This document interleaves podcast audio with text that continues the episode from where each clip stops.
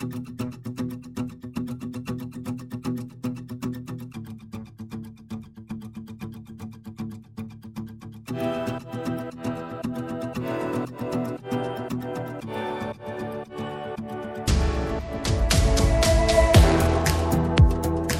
dobry Państwu, z tej strony Jakub Bodziony w piątek, kiedy w naszym wideopodcaście rozmawiamy o sprawach międzynarodowych. Możecie nas oglądać na żywo na Facebooku i YouTubie, a później na najpopularniejszych serwisach streamingowych, takich jak e, Spotify czy Apple Podcasts. Pamiętajcie o tym, żeby nas zasubskrybować na Waszej ulubionej platformie, bo to ułatwi Wam dostęp do najnowszych odcinków, a nam pomoże docierać do jak największej liczby nowych widzów, nowych czytelników.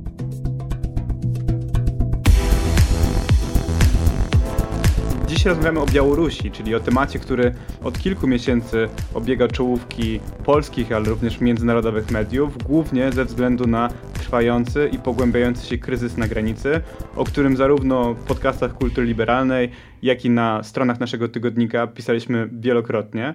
Kilka dni temu w jednym z wywiadów e, Aleksandr Łukaszenka zapowiedział przesunięcie jednostek wojskowych na granicę z Polską przy współpracy z Rosją. Dziś jednak skupimy się na innym aspekcie białoruskiego reżimu, czyli właśnie na tym personalnym aspekcie Aleksandra Łukaszenki. O historii tak zwanego ostatniego dyktatora w Europie rozmawiam wraz z doktorem Pawłem Usowem, wybitnym białoruskim politologiem, który od lat mieszka w Warszawie. Dzień dobry. Dzień dobry. Panie Pawle, pan sam zaczynał studia w 1993 roku, czyli wtedy, kiedy Białoruś e, taka demokratyczna i niepodległa się kształtowała. A ukończył je pan już w roku 98 kiedy już tak naprawdę dojrzał ten autorytarny reżim Łukaszenki. Chciałbym, żeby pan powiedział, w jaki sposób zmieniły się w pana doświadczeniach w tym okresie pięciu lat właśnie Białoruś. Jeżeli chodzi o takie moje doświadczenie, to faktycznie ja obejrzałem tą ewolucję i społeczną, i ewolucję akademicką od wolności, nieograniczonych możliwości, a to trzeba wspomnieć, że to lata 90. to nie tylko proces transformacji politycznej, ale również pewne kłopoty gospodarcze, pewne zawyżone oczekiwanie i być może frustracje części społeczeństwa, ale dla mnie, jak dla studenta, to była rzeczywiście pora takich e, możliwości, nie tylko w otrzymaniu jakiejś rozszerzonej wiedzy z historii, z innych e, dziedzin, ale e, również z funkcjonowania, bo wtedy Białoruś była otwarta na cały świat i cały świat w pewnym sensie był reprezentowany na Białorusi. Pochodzę z regionalnego miasta Mohylew, to jest miasto położone na wschód. Traktowano to miasto jako forpocztę rosyjskości, chociaż tak naprawdę tego nie było i w latach 90. E, sporo ludzi byli zafascynowani językiem białoruskim, tą ideą niepodległości, zwłaszcza młodzi ludzie. No niestety, rzecz jasna, nie ogarniało to większości społeczeństwa, bo jak w każdym państwie, jak w każdym społeczeństwie, prosty obywatel marzy o normalnym, stabilnym życiu, dorobku, pracy i bytu. To studenci marzą o czymś więcej, nawet mogą w pewnym sensie ignorować braki materialne, dla nich ważny jest własny duchowy rozwój.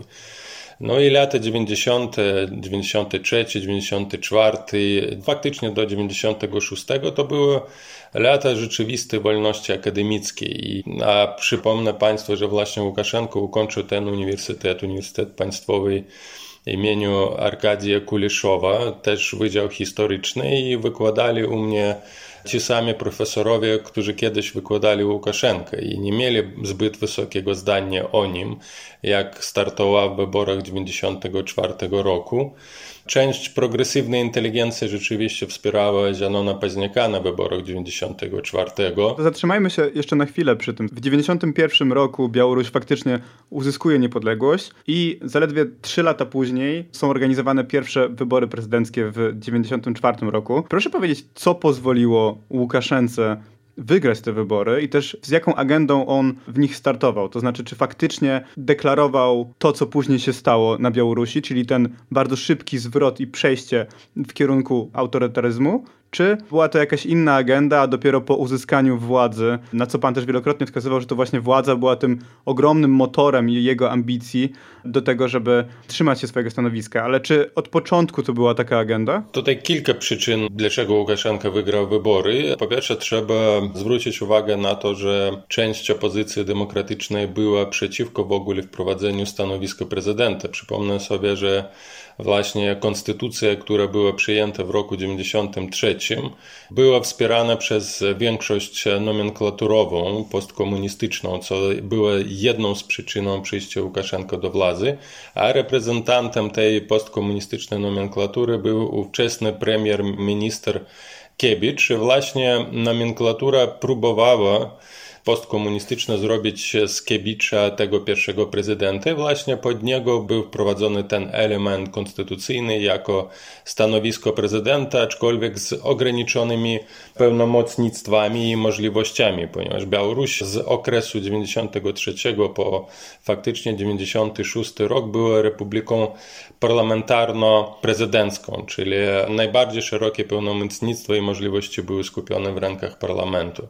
Łukaszenko doszedł do władzy na grze na dwóch wątkach. Antykorupcyjnym wątku, bo w latach właśnie przed wyborami prezydenta stał na czele komisji, która się zajmowała walką z korupcją wśród najwyższych dygnitarzy i faktycznie wykorzystał to jako taki element, mechanizm startowy, bo zrobił na tym sobie kapitał społeczny, bo walcząc z korupcją, pokazując społeczeństwu, a przypomnę sobie, że media w tym okresie były wolne i e, Łukaszenko był publikowany praktycznie w każdej mniej więcej znacznej gazecie, co pozwoliło jemu bardzo szybko uzyskać e, w pewnym sensie popularność, walcząc z tak powiedzmy z silnymi światu tego. Czyli on stał się takim trybunem ludowym, który wykorzystał w jakiś sposób te demokratyczne swobody po to, żeby sięgnąć po władzę. Absolutnie, ma pan rację. Drugi moment, no, był wtedy młodym człowiekiem i na tle tych przedstawicieli starej nomenklatury, nawet tego Kiebicza, wyglądał dość ambitny, chociaż prostacko. To też się podobało ludziom, bo też trzeba rozumieć, że społeczeństwo białoruskie w tym okresie było społeczeństwem agrarnym, nie zważając na to, że ludność miejska przeważała nad ludnością wiejską już po latach 70., tym niemniej to nie była rdzenna ludność miejska, tylko przybyszy z wsi, z małych miasteczek i faktycznie świadomość zostawała agrarna, patriarchalna, autorytarna i na tych antydemokratycznej kulturze, bo kultura wciąż była kulturą autorytarną większości społeczeństwa, Łukaszenka potrafił zagrać.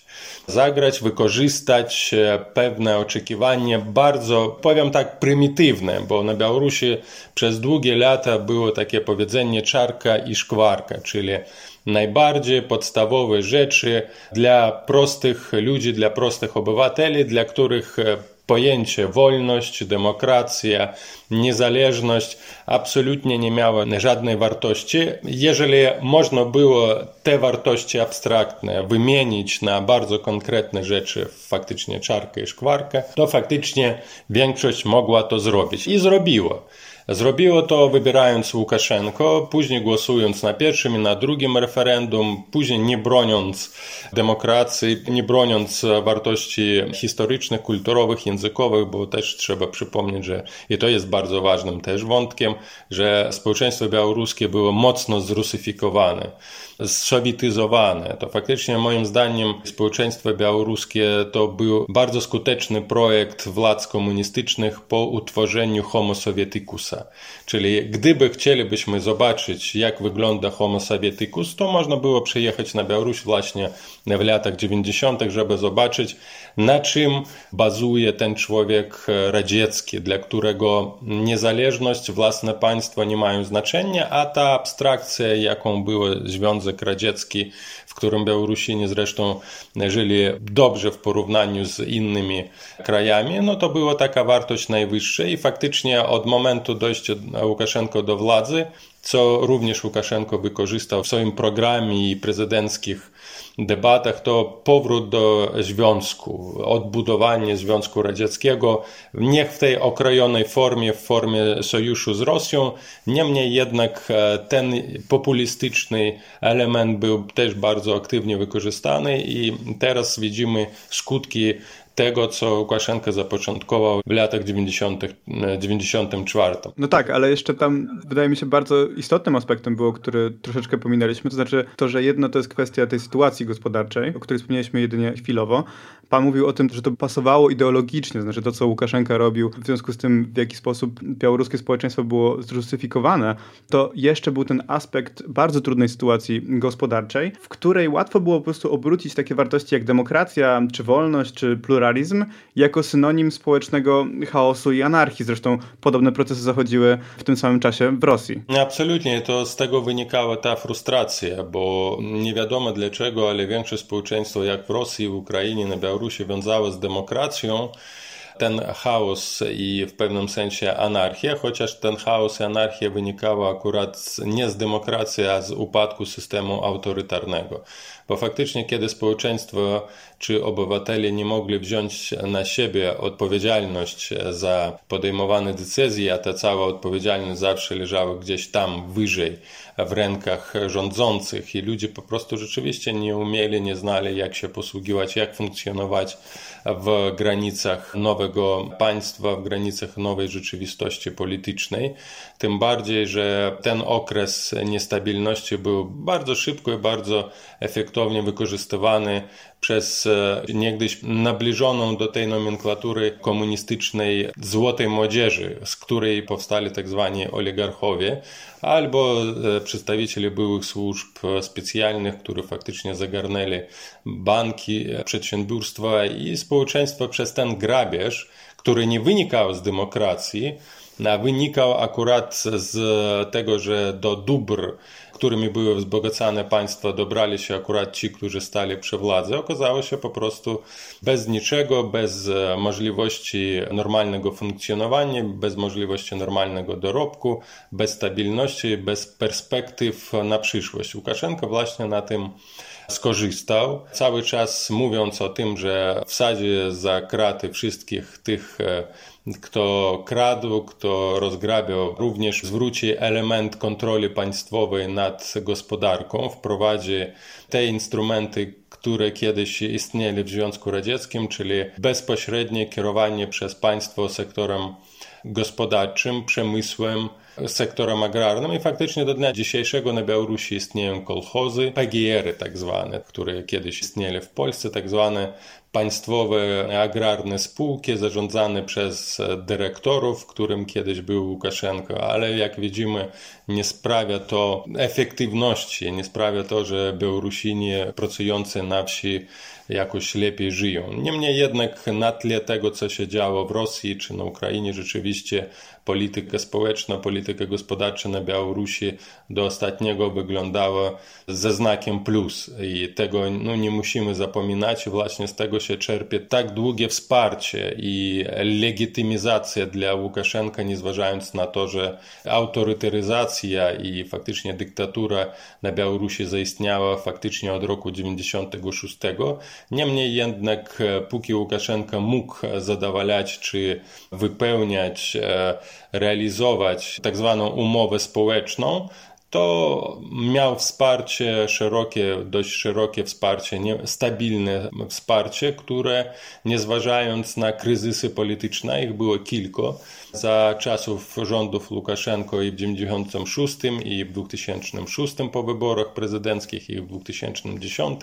Niemniej jednak ta szeroka legitymizacja, która mogła wynosić aż do 50% takiego wsparcia społecznego, stabilizowała reżim i nie doprowadzała do tego, do czego faktycznie ten kryzys legitymizacji doprowadził po roku 2020. No właśnie, bo tutaj warto przypomnieć, że w tych pierwszych wyborach niesfałszowanych Łukaszenka w drugiej turze zdobył 80% głosów. Natomiast e, faktycznie później ten system zaczął się bardzo szybko zmieniać. Wspomnieliśmy o tych dwóch referendach, które zostały niedługo później ogłoszone i one zwiększały szereg prezydenckich prerogatyw, ale czy tam istniała jakaś instytucjonalizowana opozycja względem Łukaszenki. To znaczy, mamy byłego kołchoźnika, teraz osobę, która stała się super gwiazdą antykorupcyjnej polityki i na tej fali wygrywa te wybory, ale na pewno zarówno ten były establishment polityczny, jak i inne e, ugrupowania miały tę świadomość, że wchodzi na scenę ta jedna osoba, która chce porwać cały system polityczny. Czy może tak nie było? Czy możliwe, że Łukaszenka faktycznie przerósł oczekiwania i obawy wszystkich osób, ale w jaki sposób był organizowany opór, zarówno ten formalny, jak i nieformalny, przeciwko Łukaszence? No, niestety muszę zwrócić uwagę na taką bardzo ważną rzecz, to że za ten krótki okres demokratyzacji, powiedzmy 91, 95, 96, to faktycznie 3 lata, tak, nie mogło powstać nowej elity politycznej, która by stała przy władzy i mogłaby zarządzać. Gdyby za czasów perestrojki i później tego okresu niepodległościowego byłoby rzeczywiście możliwość na ukształtowanie nowej elity politycznej, narodowej elity politycznej, to być może e, losy Białorusi się potoczyli zupełnie w innym kierunku. No niestety elita rządząca i nie odbyło się tej transformacji politycznej, jeżeli chodzi o klasę rządzącą, pozostawała ona elita politycznie faktycznie elitą postkomunistyczną z tymi też dawnymi oczekiwaniami czy frustracjami, ukorzeniona w Związku Radzieckim, z marzeniami, że da się w jakiś sposób odbudować ten sojusz w jakimś innym kształcie, w jakimś innym formacie. Tak w okresie perestrojki tak zwanej od 86 do 91 powstała liczna grupa narodowościowców, która później ukształtowała się w białoruskim froncie ludowym na czele z Zanonem Paźniaką i takie pewne przeorientacje narodowościowe powstały w momencie, kiedy było odkryto groby masowe rozstrzelanych Białorusinów e, w Kuropatach, również tym się zajmował Zianon Paźniak, kiedy się okazało, że właśnie terror stalinowski bardzo mocno dotknął społeczeństwo białoruskie, że u nas to nie chodzi o Katyń, czy Ukrainę, czy gdzieś tam daleki Gulag, a właśnie tutaj w Mińsku, pod Mińskiem były odkryte setki grobów e, masowych, gdzie zabijano tysiące ludzi. I ten dramat też w pewien sposób spowodował obudzenie świadomości części społeczeństwa. No ale niestety to nie ogarnęło całą warstwę polityczną, która pozostawała komunistyczną, prokomunistyczną albo proradziecką. I właśnie ta proradzieckość, ten konserwatyzm, nie zważając na to, że przedstawiciele Białoruskiego Frontu Ludowego również byli w parlamencie czy w Radzie Najwyższej Białorusi, większość była taka prorosyjska, proautorytarna. I kiedy Kiebicz przegrał te wybory w 1994, właśnie zaczęła szukać ona innego mocnego przywódcę, do którego mogłaby się przegarnąć, i rzeczywiście w ich oczach takim przywódcą mógł być Łukaszenko. Dlatego pierwszy referendum faktycznie został ogłoszony bez mocnej konfrontacji, ponieważ większość była, jak już wspomniałem, prosowiecka, prorosyjska te propozycje zmiany symboli politycznych, bo do 1995 roku, do tego pierwszego referendum, narodowymi symbolami była właśnie flaga biało-czerwona, biała i godło pogoń, która stała się symbolem właśnie protestu w roku 2020. No ale na mocy referenduma powrócili te dawne radzieckie symbole, co też stało się takim faktycznie świadectwem tego, w którym kierunku białoruskie społeczeństwo i ta elita rządząca myśli. Ale tam był też pewien moment takiego oporu. Pamiętam taką sytuację, kiedy na przykład grupa parlamentarzystów zabarykadowała się w jednym z budynków sejmowych, już po objęciu oczywiście władzy przez Łukaszenkę, w akcie protestu przeciwko tym wprowadzanym zmianom. No i to był chyba taki test tego, że Łukaszenka jednak nie cofnie się przed niczym w usuwaniu swoich e, przeciwników politycznych. Mógłby pan przybliżyć tę sytuację? Tak, w tym momencie, kiedy większość parlamentarna się zgodziła na to, że będzie przeprowadzone referendum, pierwsze referendum, które dotyczył zmian symboli politycznych i dawało możliwość Łukaszenko na przykład rozwiązywać parlament, większość e, parlamentarna zdecydowała zagrać w tą grę z referendum, no po prostu się zgodziła na przeprowadzenie tego referendum i ta mała grupa na czele z Zieloną Peźniaką, z Olegiem Trusowym się zabarykadowała, ale Łukaszenka wysłał oddziały specjalne, które po prostu zbili tych deputowanych i wyrzucili ich na ulicę.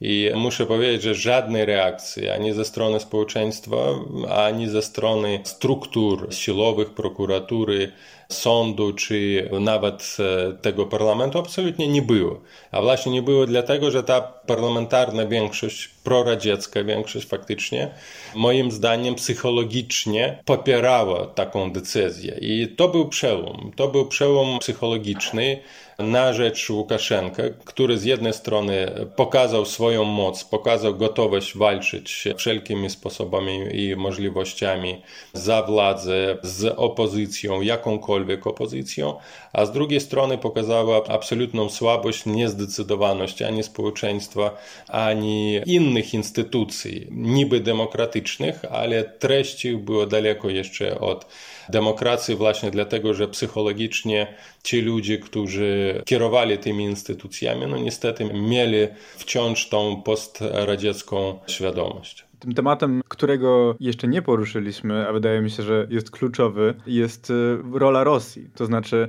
mówiliśmy o tym prorosyjskim, proradzieckim zwrocie Łukaszenki, który jakoś starał się nawiązać do tych poprzednich czasów, żerując troszeczkę zarówno na kryzysie gospodarczym, jak i na kryzysie politycznym y, i tych częściowych demokratycznych swobodach, które Łukaszenka wykorzystał do własnych autorytarnych celów.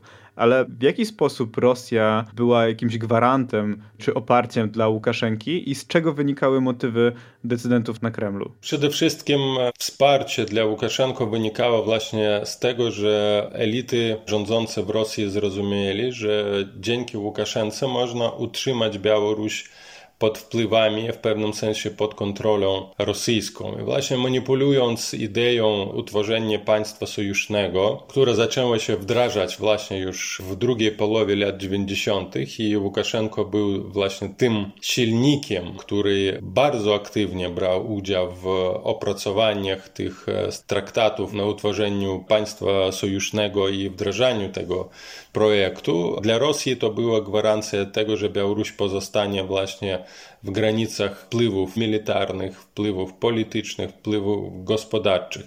A trzeba przypomnieć, że w tym okresie właśnie ta federacja rosyjska się rozpadała i utrzymanie Białorusi w pewnym sensie miała też psychologiczny wątek pokazujący, że Rosja jeszcze wciąż może przyciągać obszary, a nie tylko tracić. No, trzeba też rozumieć, że Łukaszenka chciał skorzystać z tej integracji we własnych interesach i tego już otwarcie nie ukrywał w ostatnich swoich wypowiedziach, kiedy podkreślał, że tak, rzeczywiście chciał zostać prezydentem państwa sojusznego, chciał wejść do Rosji, do Kremla przez ten projekt sojuszny, sprzedając Białoruś Rosji, chciał uzyskać mandat, albo jak się mówi, czapkę Mandat na wpływy polityczne w Rosji. I takie ryzyko rzeczywiście istniało. Ale pan myśli, że to było realne? To znaczy faktycznie Łukaszenka jeśli na scenę by nie wkroczył Władimir Putin, to faktycznie Łukaszenka mógłby w jakiś sposób zawiadywać na Kremlu? Na ile to było realnie powiedzieć ciężko, ale Łukaszenko w to święcie wierzył. To faktycznie robił wszystko, żeby to urzeczywistnić i można przypomnieć sobie bardzo aktywną rolę, którą grał Łukaszenko w polityce wewnętrznej Rosji. Po prostu poza e, informowaniem na przykład Borysa Jelcyna czy administracja prezydenta jeździł sobie po regionach rosyjskich się spotykał z gubernatorami. Właśnie tak jak zachowywał się Michail Babicz, który był ambasadorem na Białorusi do 2019 roku.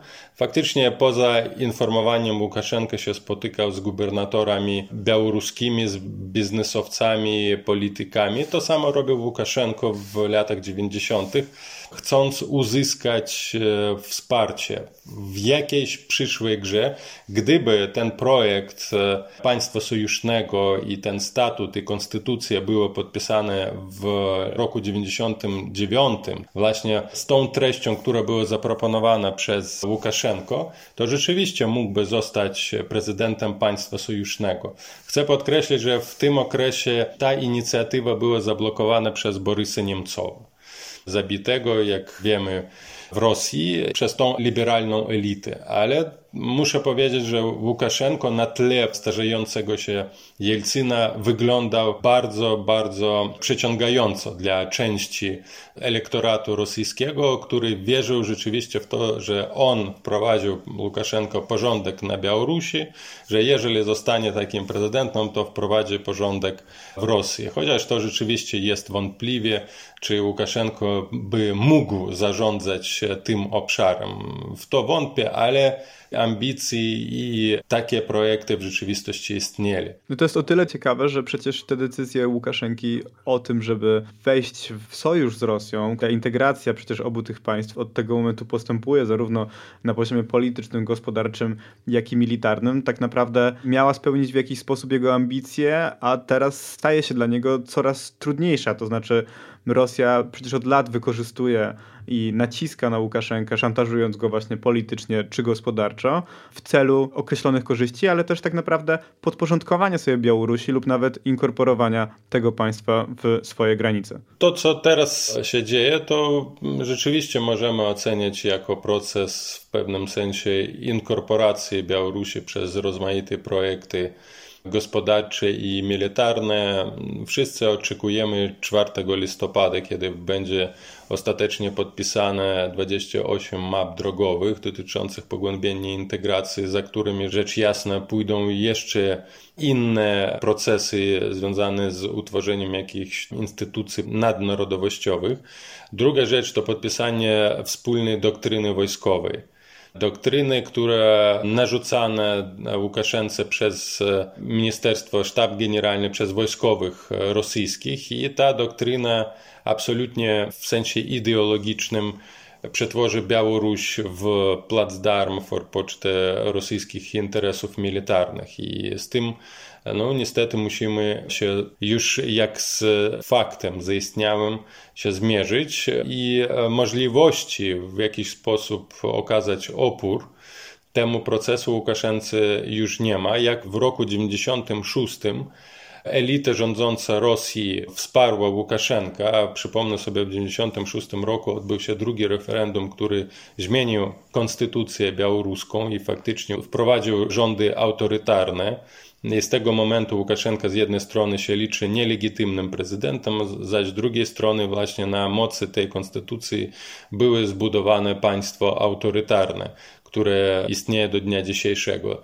W tym okresie był bardzo mocny klincz między parlamentem, który jeszcze miał możliwości walczyć i chronić swoje pełnomocnictwa i konstytucje, i prezydentem. W tej kryzysowej sytuacji, kiedy Łukaszenko już stał na krawędzi impeachmentu i mógł być pozbawiony tej władzy całkowicie, no niestety przyjechała cała ekipa od premiera rosyjskiego do kierownictwa parlamentu rosyjskiego do Białorusi i faktycznie doprowadzili do tego, że do impeachmentu nie doszło. Było podpisane pogodnienie pomiędzy Łukaszenką a parlamentem, które rzeczywiście było złamane i Rosja nic nie zrobiła, żeby dotrzymać słowa czy wypełnić funkcję swojego pośrednictwa. Łukaszenko przeprowadził referendum, faktycznie zorganizował przewrót państwowy i co do Joty faktycznie to samo się odbyło w roku 2020. No, zupełnie inna sytuacja, ale to wsparcie zewnętrzne ze strony Putina dało możliwość Łukaszence się utrzymać przy władzy i teraz za to wsparcie musi płacić i płaci niezależnością Białorusi. Tym miejscu postawimy kropkę, raczej przecinek, bo już e, za kilka tygodni będziemy właśnie rozmawiać o współczesnej sytuacji Białorusi. I tak jak mówiliśmy o tym, że w latach 90. społeczeństwo białoruskie nie miało swojej podmiotowości i było raczej przedmiotem, a nie właśnie podmiotem w polityce i nie miało też własnej tożsamości. Tak wydaje mi się, że teraz po wyborach w 2020 roku ta sytuacja się zmieniła i już za kilka tygodni właśnie będziemy rozmawiać o tym, w jaki sposób społeczeństwo i opozycja białoruska funkcjonuje po sfałszowaniu tych wyborów i jakie są perspektywy dalsze dla społeczeństwa obywatelskiego na Białorusi. Dzisiaj moim gościem był dr Paweł Usow. Bardzo dziękuję. Dziękuję. Dziękuję również Państwu, że byliście dzisiaj z nami. Nad wydaniem dzisiejszego programu czuwał Piotr Kierzyn, któremu również serdecznie dziękuję. I oczywiście bardzo jestem wdzięczny wszystkim osobom, które wspierają kulturę liberalną, czy to przez przelewy bankowe, czy to przez życzliwe słowa, czy to przez portal Patronite. Wielkie dzięki za to całe wsparcie, ponieważ to właśnie dzięki Wam, dzięki temu wsparciu powstają nasze programy, wideopodcasty kultury liberalnej, takie jak Środowy Widok z K2, Karoliny Wigury i Katarzyny Kasi, czy czwartkowe Prawo do Niuansu Jarosława Kuisza. Na dziś serdecznie dziękuję i do zobaczenia w następny piątek.